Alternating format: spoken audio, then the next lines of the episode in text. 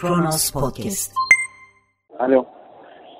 Sayın Bakanım günaydın nasılsınız? İyiyim sağ olun. Reza ben uyandırmadım Ha. değil mi? Yok yok yok spordayım Reza'cığım. Allah kolaylık versin. Tamam. Nasılsınız? iyisiniz? İyiyim iyiyim canım sağ ol. Senden ne haber? Sağ olun. Çok teşekkür ederim. Dün aradım ulaşamadım Sayın Bakanım size. Ya ben bu numarayı tanımadığım için açmamışım. Bu da var bende. Ha bilmiyordum ben kayıtlı için de. Ee, Sayın Bakanım bugün müsait bir saatinizde bir uğrayıp bir çayınızı içmek isterim. Olur canım Zafer abi de söyledi. Ben saat 4'ten 6'ya kadar falan oralardayım. Randevularım var ama sen arada uğra sıkıştırırız araya. Tamam tamam ben zaten 5 dakika bir çayınızı içer geçerim. Tamam canım. İnsanların ve ulusların hayatlarında rakamların, sayıların farklı anlamları olabiliyor. Takvime bağlı olarak tabii. 17'de Türkiye Cumhuriyeti için böyle farklı bir sayı.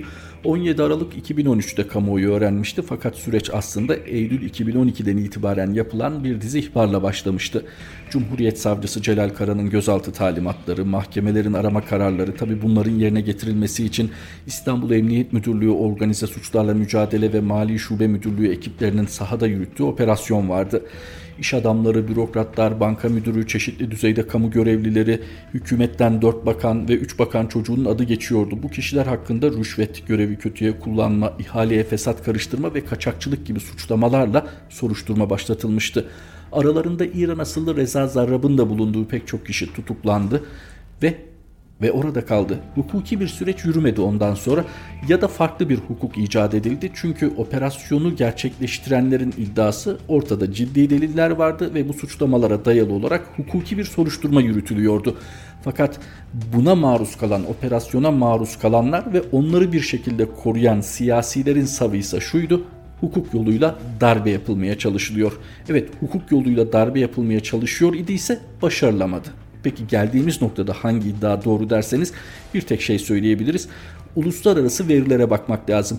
O gün demokrasi liginde, ekonomide, özgürlüklerde neredeyiz, bugün neredeyiz sayısal veriler aslında her şeyi ortaya koyuyor. 17 Aralık 2020 gündemiyle Kronos Haber'den merhaba.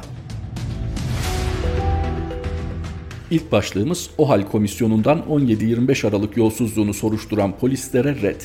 Olağanüstü hal işlemleri inceleme komisyonu 17-25 Aralık yolsuzluk soruşturmalarını yürüten, meslekten ihraç edilen eski emniyet müdürleri Yakup Saygılı, Ali Fuat Yılmazer'le Yurt Atayün'ün başvurularını darbe girişiminde bulundukları ve baylok kullandıkları gerekçesiyle reddetti. 17-25 Aralık yolsuzluk ve rüşvet soruşturmalarında yer alan eski İstanbul İstihbarat Şube Müdürü Ali Fuat Yılmazer, eski İstanbul Terörle Mücadele Şube Müdürü Yurt Atayün'le eski İstanbul Mali Suçlarla Mücadele Şube Müdürü Yakup Saygılı, kanun hükmünde kararnamelerle haklarında yapılan işlemlere ilişkin OHAL işlemleri inceleme komisyonuna başvurdu. On binlerce mağdur gibi. Komisyon Gülen cemaati ile bağlantıları olduğu gerekçesiyle Yılmazer, Atayün ve Saygılı'nın başvurularını kabul etmedi. Kararın gerekçesinde yolsuzluk ve rüşvet soruşturmalarının talimatla yapıldığı iddiası var. Böyle bir iddiada bulunulabilir mi? Elbette. Ama bu iddia hukuk mercilerince dile getirilirse anlamlı ve kıymetli olur ve bağımsız mahkemelerce de neticeye bağlanırsa anlamlıdır, kıymetlidir. Olağanüstü hal işlemleri inceleme komisyonu ise kendilerini mahkemelerin üzerinde konumlandırdığını zaten daha önce başkanın ağzından ifade etmişti. Biz kararlarımızı mahkeme kararlarından bağımsız olarak alıyoruz demişti. Biz altını çizelim. Evet hala hukuk devleti olduğunu iddia eden bir ülkede yaşanıyor bunlar. Sıradaki başlığımız Bahçeli'ye HDP kapatılsın demek saçmalık, mücadele alanı siyasettir.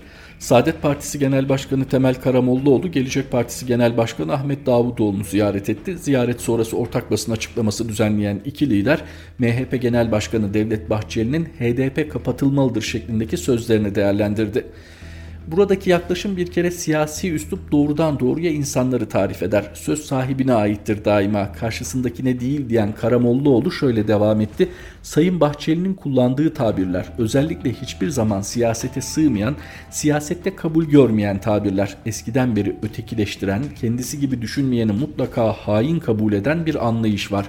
Bu haşere gibi konularda bu mahiyette tasvip etmediğim için de bu konularda fikir beyanını doğru bulmuyorum. Çünkü her gün bir sürü saçmalıklar gündeme getiriliyor. Her saçmalığa cevap vermeye kalksanız siz de onun bir parçası haline geliyorsunuz. Bunlar Sayın Temel Karamollaoğlu'nun ifadeleri. Biz de hatırlatalım MHP Genel Başkanı Devlet Bahçeli HDP bir daha açılmamak üzere kapatılmalıdır ifadesini kullanmıştı. Artık onu pekiştirmek için mi ya da kamuoyunda desteği artırmak ya da bir destek aramak için mi Genel Başkan Yardımcısı Semih Yalçın da çok ilginç ifadeler kullanmıştı. İçinde itlaf geçen bir cümle kurmuştu ki itlaf malumunuz telef kökünden gelir ve hayvanların zararsız hale getirilmesi, hayvanların öldürülmesi kastıyla kullanılır Türkçe'de. Fakat Sayın Yalçın bunu bir siyasi parti mensupları için kullanmakta beis görmemişti. Haşereler demişti.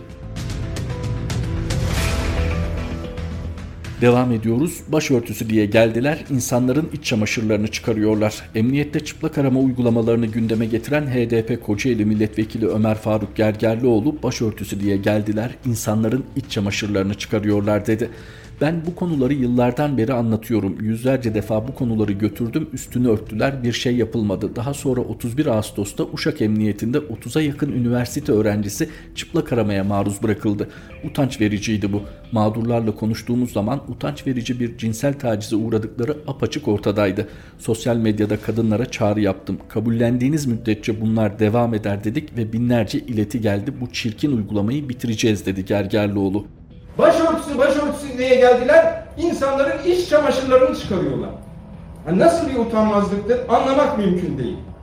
Uşak Emniyet Müdürlüğü'nde 31 Ağustos'ta genç kadın öğrencilere çıplak aramanın kilot indirerek üç kez otur kalk işkencesinin sonuna kadar üstüne gideceği. Yaşanan utanç vicdan sızlatıyor. Mağdurlar hala psikolojik sorunlar yaşıyor. İnsanlık onuru işkenceyi yenecek arkadaşlar. Başka çıplak arama iddiaları da var. Diyor ki Ömer Bey o zaman bir işkencede ben sizinle paylaşayım. İki yıl önce kardeşim Perizli cezaevindeyken açık görüş için gitmiştim. Regil dönemime denk gelmişti. Kadın ikameler arama yaparken hasta mısın diye sordular. Evet deyince çamaşırını indir peşine bakacağız dediler ve ben yol yorgunluğu, cahillik ve Konya'dan Sakarya'ya kadar gidip kardeşimi görememenin korkusuyla dediklerini yaptım. Hala aklıma geldikçe gözlerimi kapatırım ve o ikameler hem o duruma sokup hem de tiksinme hareketi yapınca daha da utanmıştım. Şimdiki aklım olsa tabii ki yapmam. Ama o zaman cahildim diyelim. Bu da mahkum yakınlarına yapılan işkencelerden biridir. İsim vermeden paylaşınız. Bu işkenceye başkaları maruz kalmasın diyorum. Türkiye Büyük Millet Meclisi'nde basına yaptığı bu açıklamanın tamamını dinlemenizi öneririz Sayın Gergerlioğlu'nun. Çünkü kendisine ulaştırılan somut vakaları aktarıyor orada. Bununla birlikte sosyal medyada da çok ciddi destek alan bir etiket etkinliği düzenlemişti çıplak aramaya karşı. Orada dikkati çeken hususlardan biri şuydu. Bazı tedbirli isimler vardı. Doğruysa Elbette doğru olup olmadığını araştırmak mühim ama bu kadar ciddi iddiaların ki Sayın Gergerlioğlu defalarca bunu zaten hükümete de ilettiğini fakat üstünün örtüldüğünü söylüyor. Bunu ortaya çıkarması gereken bir, bu ayıp üstünde kalmasın diye ısrarla siyasilerdir. Akabinde yargı bürokrasisi de bundan sorumludur. Ortada çok ciddi iddialar var. Bir milletvekili bu iddiaları dile getiriyor. Bununla birlikte isim vererek ve vermeyerek kendilerinin de bu tür aramalara tabi tutulduğunu söyleyen kadınlar var. Hani kadın beyanı esas mıdır değil midir bu taciz tartışmalarında konuşuluyor ya ortada bu kadar somut iddia ve çok örnek varken niçin ilgililer, yetkililer kendilerinin üzerine yapışmasın bu ayıp diye gayret göstermiyorlar ve bunun önünü kesmeye çalışmıyorlar. İnsanın aklına ister istemez acaba özellikle mi önü açılıyor sorusu geliyor. Aynı konuyla ilgili bir diğer başlık yine Kronos Haber'de hikmeti hükümete inanan için çıplak aramada daha fazlası da meşrudur. Deva Partisi Genel Başkan Yardımcısı Mustafa Yeneroğlu geçtiğimiz Eylül ayında Uşak Emniyet Müdürlüğü'nde yaşanan çıplak aramayla ilgili açıklamasını hatırlatarak terör örgütünün tesinden habersiz 20'li yaşlarda genç kızları terör örgütü üyesi yaptıktan sonra hikmeti hükümete inanan anlayış için çıplak aramada daha fazlası da meşrudur. Her şartta insan onurunu koruma bilinci toplumsal mutabakat olmadığı sürece bu uygulamalar kaçınılmaz ifadelerini kullandı. Sayın Yeneroğlu'nun bu konudaki duyarlılığını hatırlatalım. Daha önce de benzer açıklamaları vardı. Bir diğer başlık AKP'ye. İster inanın ister inanmayın saltanat bitti yolun sonuna geldiniz. CHP Ankara Milletvekili Nihat Yeşil 2021 bütçesiyle ilgili Türkiye Büyük Millet Meclisi'nde yaptığı konuşmada hükümetin tefecileri zengin ettiğini söyleyerek AKP sıralarına ister kabul edin ister etmeyin saltanat bitti yolun sonuna geldiniz diye seslendi. 2021 yılı bütçesinin toplumun değil sarayın bütçesi olduğunu söyleyen CHP milletvekili Yeşil ekonomik sıkıntılar nedeniyle intihar eden yurttaşlara dikkat çekti. İnsanın aklına ister istemez geliyor. Hatırlayacaksınız AK Parti saflarından bir milletvekili de kuru ekmek örneği üzerinden ne demişti? Midesine kuru ekmek gidiyorsa aç değildir demişti. Tarihe geçen talihsiz açıklamalar var ya bunlardan bir tanesi hatırlayacaksınız ağaç kökü yesinler. Bunlardan bir tanesi yine hatırlayacaksınız dikkat çekmek için intihar ediyorlar ve son olarak herhalde yine tarihe geçecek açıklamalardan biri midesine kuru ekmek gidiyorsa aç değildir. Tabii bu tür açıklamaları belki kendi aralarında çok tasvip edemeyecek olsak bile şakalaşma amaçlı kullanabilirler. Yani işte basit bir espriydi, iyi niyetli bir şakaydı diyebilirsiniz. Fakat vekil vasfını taşıyorsunuz. Orada o insanlarla yani kursaklarına kuru ekmek gidip gitmemesi mevzu bahis olan insanlarla ilgili doğrudan bir sorumluluğunuz var ve bunu o ortamda söyleyebiliyorsunuz rahatlıkla. Sırada bir portre var. Merkel, rahip evinden dünya liderliğine Angela Merkel, Doğu Almanyalı rahip Kastner'in fizikçi kızı baş döndürücü siyasi kariyerini yaşam tarzından ve hayat felsefesinden hiç ödün vermeden tamamlamaya hazırlanıyor. Dünyanın en önemli krizlerinden biri olan koronavirüs salgını sürecini yönetmesindeki başarı onu unutulmazlar listesine ekleyecek, diyor Bahadır Polat hazırladığı Merkel portresinin girişinde. Biz de o portreden bir bölümü aktaralım. Uçak geçiyor içinde. Uçak dikkatimizi çekti. Arjantin'de gerçekleştirilecek G20 zirvesine giderken Başbakanlık uçağı arıza yaptığı için yola Lufthansa'nın tarifeli seferiyle devam eden de aynı Merkel'di. Zira 18 yaşındaki Başbakanlık uçağı sık sık arıza yapıyordu. 2018 yılını 294 milyar avro cari fazlayla kapatan dünyanın en büyük ekonomilerinden Almanya'nın 12 yıllık lideri kendisine son model bir lüks makam uçağı tahsis etmeyi akıl edememişti. İşte tam da bu açıdan Angela Merkel'i daha yakından tanımak aslında bir bakıma Birleşmiş Almanya'yı bugünüyle olduğu kadar geçmişiyle de daha iyi analiz edebilmek anlamına geliyor. Çünkü Merkel sıra dışı liderliği ve sıra dışı yaşam öyküsüyle hem bölünmüş hem de Birleşmiş Almanya'dan derin izler taşıyor. Bahadır Polat'ın portresini okumanızı öneririz.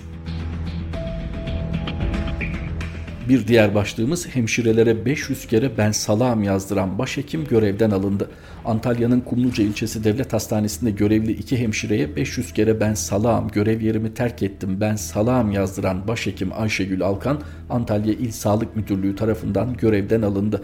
Acaba kendini nasıl savunmuş olabilir diye merak ediyorsanız bana komplo düzenlendi diyor Alkan.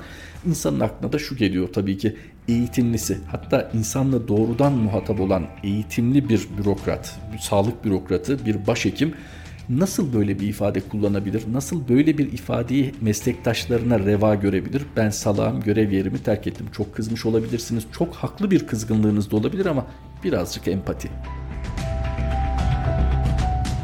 Kronos Haber'de karardan bir yazarın ifadesi başlığa çekilmiş. Taş getirenden yaptırım eleştirisi Erdoğan'ın eğri dili maalesef dramatik hale geldi diyor Taş getiren. Karar yazarı Ahmet Taş getiren S-400'ler nedeniyle ABD'nin Türkiye'ye yaptırım kararına karşı Trump Katsa'nın hepsini devreye sokmadı, yaptırım maddelerini azalttı diye teselli aramanın iktidarın zaafı olduğunu belirterek bu tavrın Erdoğan'ın kullandığı eğri dili dramatik hale getirdiğini yazdı. Taş getiren yahu yaptırım uyguluyorlar bunun vazgeçebiliriz mesajı taşıdığı açık değil mi? Can yakıcı hiçbir kozumuz yok mu diye sordu. Ahmet Taş getirenin yazısından biz de bir bölüm aktaralım. Söylemde isyanları oynamayı, öfkemizi kamuoyuna yansıtmayı tercih ettik. Bu içeride halkın duygularını siyasi desteğe dönüştürmekte işe yarıyordu ama sorun çözmüyordu. O isyan, öfke dili politikaya dönüşebilecek gücü arkasında taşıyor olsa anlarım. Bakın işte Amerika yaptırım uygularım dedi, dedi ve şimdi uygulamayı devreye soktu. Bizde Trump Katsa'nın hepsini devreye sokmadı. Yaptırım maddelerini azalttı. Avrupa'da herkes Yunanlı, Fransız değil. Oradan oy birliğiyle yaptırım çıkmaz. En azından Almanya fren koyar gibi teselliler geliştiriyoruz.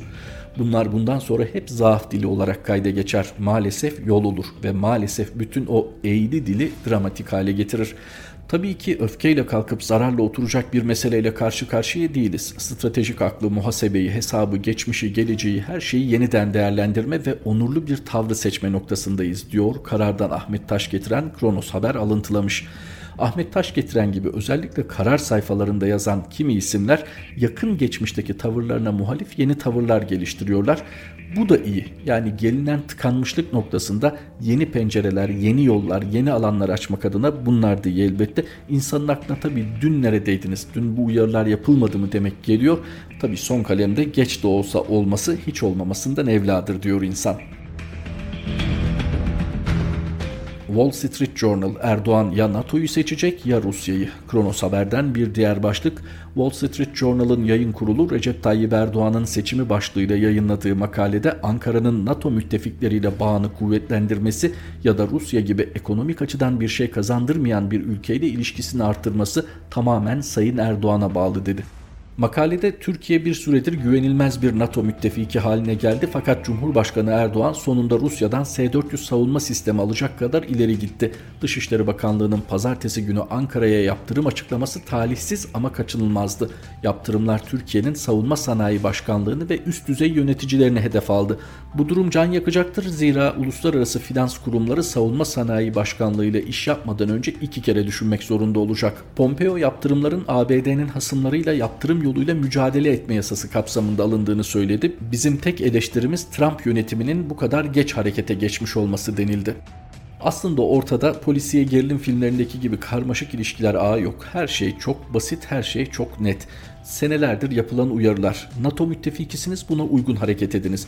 Sürekli işte Yunanistan yahut da Güney Kıbrıs'ın satın aldığı S-300'ler örneğiyle hareket etmek ki onların akıbeti de ortadayken Rusya'dan alınan S-400'leri savunmak bunlar üzerinden sanki özgür bir dış politika geliştiriyormuşuz izlenimi uyandırmaya çalışmak bir yerde duvara toslayacaktı. Gerçi burada önemli olan yaptırım kararlarından sonra Türkiye'nin nasıl bir yol haritası izleyeceği, bundan sonraki rotayı gözden geçirip geçirmeyeceği. Şaban Vatan'dan kendisine dava açan Müge Anlı'ya bir kuruşluk karşı dava. Bir başka haber başlığı Şaban Vatan ismi artık hem acıyla hem mücadeleyle özdeşleşmiş bir isim. Giresun'un Eynesil ilçesinde şüpheli şekilde hayatını kaybeden 11 yaşındaki Rabia Naz Vatan'ın babası Şaban Vatan, Babali TV'nin çevrim içi programında kendisine tazminat davası açan televizyon programı sunucusu Müge Anlı'ya bir kuruşluk dava açacağını söyledi.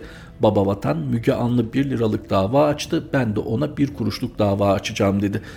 Neden böyle bir mücadelenin içindeki insan bir televizyon yapımcısına, sunucusuna böyle bir dava açma ihtiyacı hisseder bakalım. Anlı'nın ekibinin olay içinde ismi geçen bir kişiyle röportaj yaptığını ve bu kayıtların savcılığa teslim edilmediğini vurgulayan Vatan bu röportajdan sonra ekibin kendisine olayın çözüldüğünü söylediğini de belirtti. Uzun süredir kızının ölümünü aydınlatmaya çabalayan Şaban Vatan Anlı'nın kendisine dava açtığını Twitter hesabı üzerinden duyurdu. Sosyal medyada bir yurttaşın neden dava açtığında yazar mısınız ifadeleri üzerine Şaban Vatan durumunu kamuoyunda ifşa ettiğim için Rabia Nazımızın ardındaki süreci incelemek için Eynesil'e gönderdiği ekibini ATV patronundan aldığı telefonla geri çekti. Cinayeti ortaya çıkaran röportajı gizledi. Kendi durumu ortaya çıkınca Rabia Nazımızın üzerine iftira attı şeklinde yanıt verdi. Burası bir hukuk devleti. Sık sık altını çiziyoruz ve altını çizmek zorunda kalacağız belli ki bir müddet daha. Ve bu hukuk devletinde bir anne baba, acılı bir anne baba, acılı bir çift çocuklarının ölümünü aydınlatmaya çalışıyor. Bu bu kadar zor olmasa gerek. Bu kadar da sosyal medyada seslerini duyurdular ama devlet ciddi bir şekilde meselenin üzerine gitmiş ve aydınlatmış değil. Ha evet bir takım raporlar var. Fakat hala babanın çok haklı sorularına cevap veremeyen raporlar bunlar. Hukuk devletindeyiz ya sıradaki başlığa dikkat edin. Yargıtay'da beklenen oldu. AYM üyeliği için en çok oyu İrfan Fidan aldı. Yargıtay'daki Anayasa Mahkemesi üyeliği seçiminde beklenen oldu ve eski İstanbul Başsavcısı İrfan Fidan 107 oy, Nevzat Özsoy 65 oy, Mustafa Erol 52 oy alarak Erdoğan'ın seçmesi için Cumhurbaşkanlığına gönderilecek isimler oldu. Erdoğan aralarından bir kişiyi AYM'ye üye olarak atayacak. Erdoğan'ın İrfan Fidan'ı seçmesi halinde Fidan Yargıtay cübbesini hiç giymeden Anayasa Mahkemesi üyeliğine seçilmiş olacak. Hukuk devletindeyiz ve her şeyin hukuka uygun olmasını istiyoruz. Fakat hukuk o kadar hassas ki, o kadar hassasiyetle korunması ve uygulanması gereken bir kavram ki hukuka uygun bazı adımların kalplerde de meşru olması gerekiyor Fidan'ın bu tavrı bu anlamda sorgulanıyor. Özel bir tarih 17 Aralık 2020 tarihli Kronos gündemde birlikteydik. Tekrar buluşmak üzere. Hoşçakalın.